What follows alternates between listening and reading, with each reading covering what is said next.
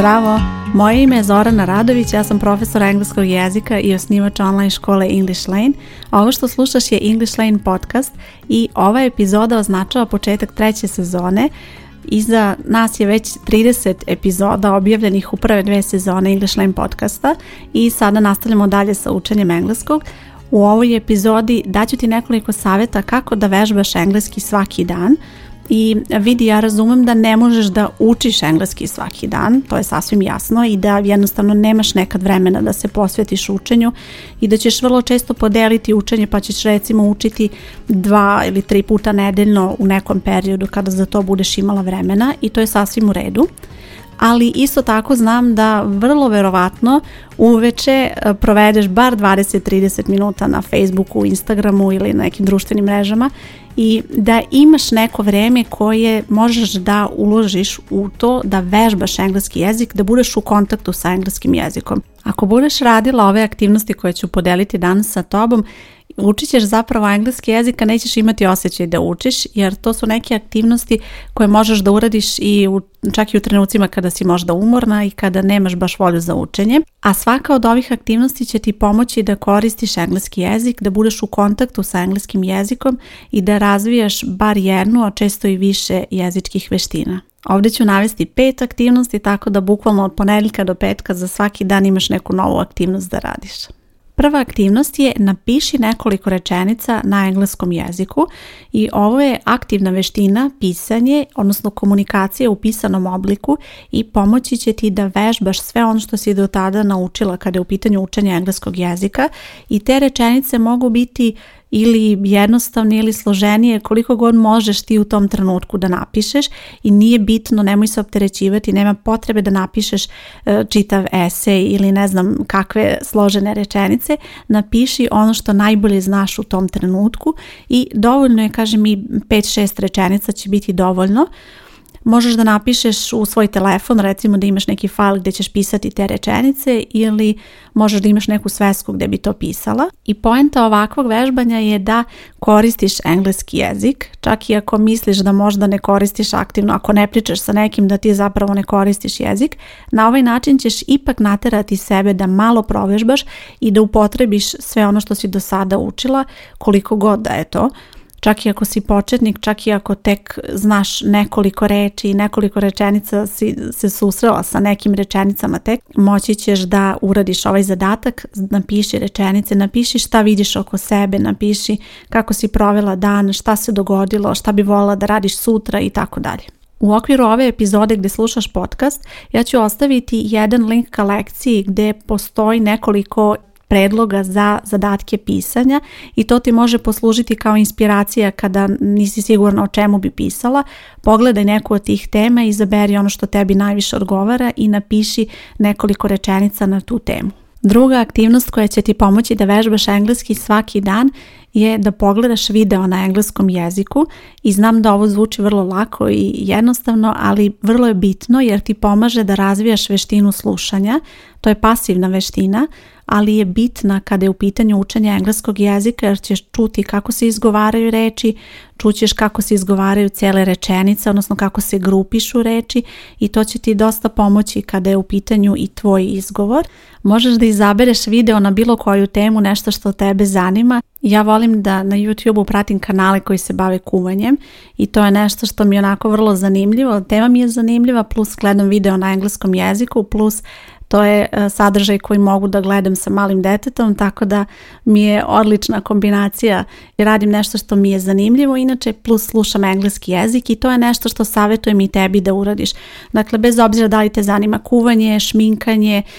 da li te zanima da saznaš nešto o zdravoj ishrani ili recimo želiš da vežbaš jogu na engleskom, sve to možeš da slušaš na engleskom i da na taj način budeš u kontaktu sa engleskim jezikom i to je nešto što sam primetila da ljudi uopšte nisu dovoljno u kontaktu sa engleskim jezikom, ne čuju dovoljno eh, oko sebe i onda im to prosto ne mogu da napreduju. A ako si zaista svaki dan u kontaktu sa engleskim jezikom, vidjet ćeš kako će to imati pozitivan uticaj na tvoje znanje i na tvoj izgovor. Treća aktivnost koju ću ti predložiti je da pročitaš jedan blog članak na engleskom jeziku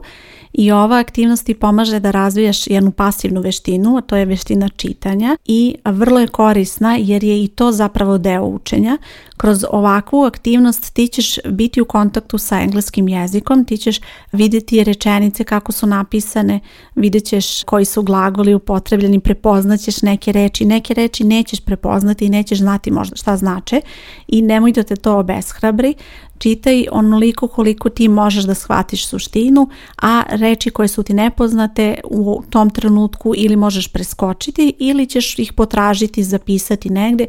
pa ih potražiti u rečniku da proveriš značenje. Dakle, nemoj se opterećivati da razumeš apsolutno svaku reč, jer to vrlo često nije bitno, dovoljno ti je da razumeš suštinu, da bi ispratila o čemu se tu radi, a zapravo ta prednost i ta korist koja je tebi potrebna od čitanja će biti tu čak i ako ne razumeš svaku reč. Sljedeća četvrta aktivnost se nadovezuje na ovu prethodnu, potrebno je da čitaš članak, ali da izabereš jedan pasus koji ćeš pročitati na glas. I ovo je vrlo bitno, nešto što mnogi zaborave, ali čitanje vrlo često može da se pretvori u aktivnu veštinu na ovaj način, gdje ćeš ti probati da izgovoriš sve te reči, Zamisli da nekome to čitaš i zamisli da moraš da izgovoriš svaku reč, jer kad čitaš u sebi vrlo često se e, onako podrazumevaš da znaš neku reč kako se čita i onako je promrmljaš onako za sebe, i,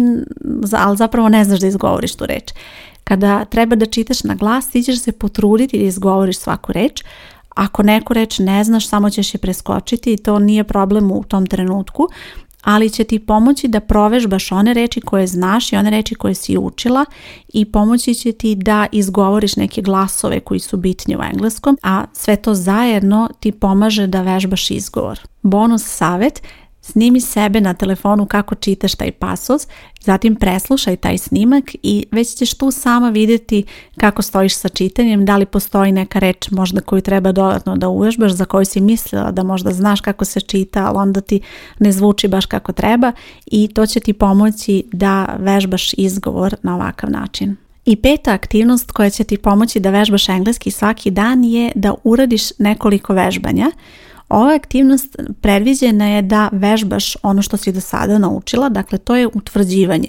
Utvrđivanje je veoma bitan deo učenja jer je neophodno da se vraćaš i da provežbaš ono što si do sada učila i to ćeš uraditi tako što ćeš uraditi nekoliko vežbanja. Nemoj počinjati neku novu lekciju i neku novu celinu, jer ovo je aktivnost koja je namenjena da ti pomogne da vežbaš u nekom kratkom intervalu engleski svaki dan i to ćeš uraditi na taj način što ćeš uraditi nekoliko vežbanja. To mogu biti vežbanja iz gramatike, iz vokabulara, dakle vežbaćeš nove reči, nove izraze ili neka pravila,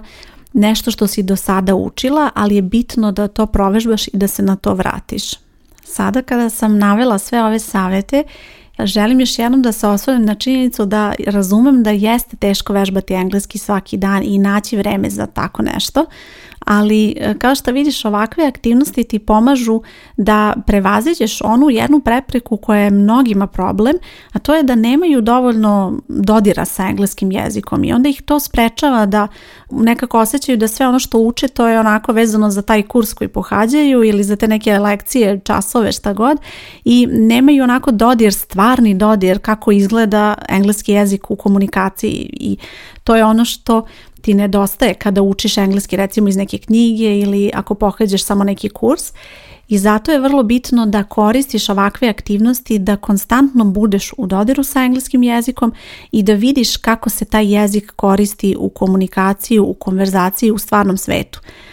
Napiši nekoliko rečenica, vežbaj pisanje tako što ćeš ti probati da komuniciraš na engleskom i to je aktivnost koju ćeš raditi samostalno, nije ti potreban niko da bi uradila takvu aktivnost zatim prati neke sadržaje na engleskom, imamo tu video, može blog članak, probaj da snimiš sebe kako čitaš i na kraju radi vežbanja Najteže je krenuti i najteže je započeti tu neku dobru rutinu i stvoriti sebi naviku da učiš i postoje razne prepreke, uglavnom nemaš vremena, budeš umorna, čak ti se možda u kućani smeju što sad pokušavaš nešto da kažeš na engleskom i čak da snimiš sebe, ali prevaziđi sve to i nemoj da razmišljaš tome, već se fokusiraj na to da ti sve ovo radiš zbog sebe i da će ti ovakve aktivnosti pomoći da učiš engleski jezik, da vežbaš engleski jezik Čak i ako ne pohađaš u tom trenutku možda neki kurs, bez obzira ovakve aktivnosti tebi pomažu da ostaneš u kontaktu sa engleskim jezikom, a to je vrlo bitno, pogotovo recimo ako praviš pauzu sa učenjem ili to će ti pomoći jednostavno da se vratiš u tok, da zapravo nikad i ne ispadneš iz toka, to je da stalno budeš tu i da stalno vežbaš. Kada je u pitanju učenje u English Lane školi, ja mojim polaznicama pomažem da ostvare to da se okruže engleskim jezikom jer shvatam da učenje na samom kursu nije dovoljno, da moraju imati i dalje kontakt sa engleskim jezikom i priliku da uče koliko god žele, zato je bitno da imaju te dodatne aktivnosti osim osnovnog kursa koji pohađaju. Dodatne aktivnosti su dostupne u vidu kolekcije lekcija gdje imaju dosta radionica i e, dodatnih aktivnosti lekcija gdje mogu da dodatno vežbaju nešto što ih zanima. Plus tu su još i kolekcije vokabular vežbanja i gramatičkih vežbanja koje su baš napravljena tako da imaš priliku da uradiš nevezano za kurs i nevezano za to gdje si stala u tom trenutku, da možeš svaki dan da se uloguješ i da uradiš nekoliko vežbanja i da vidiš da si nešto uradila korisno za sebe u tom danu i da nisi zapostavila učenje engleskog jezika. I sve ove aktivnosti napravljene su tako da ti ne oduzmu više od 20-30 minuta dnevno, tako da možeš da ih uradiš čak i kada nemaš dovoljno vremena i kada možda nisi baš u potpunosti spremna da se fokusiraš na učenje nekih novih stvari. Vrlo je bitno da kroz ovakve aktivnosti provežbaš ono što si već do sada naučila. Ako nisi član English Line škole, na ovoj stranici gdje slušaš podcast ostavit ću link ili potraži English Lane online škola i pronaći ćeš sve informacije kako škola funkcioniše, kako možeš da se priključiš i kreneš sa učenjem. Ja sam Zorana Radović, hvala ti što slušaš podcast i čujemo se u sljedećoj epizodi. Ćao!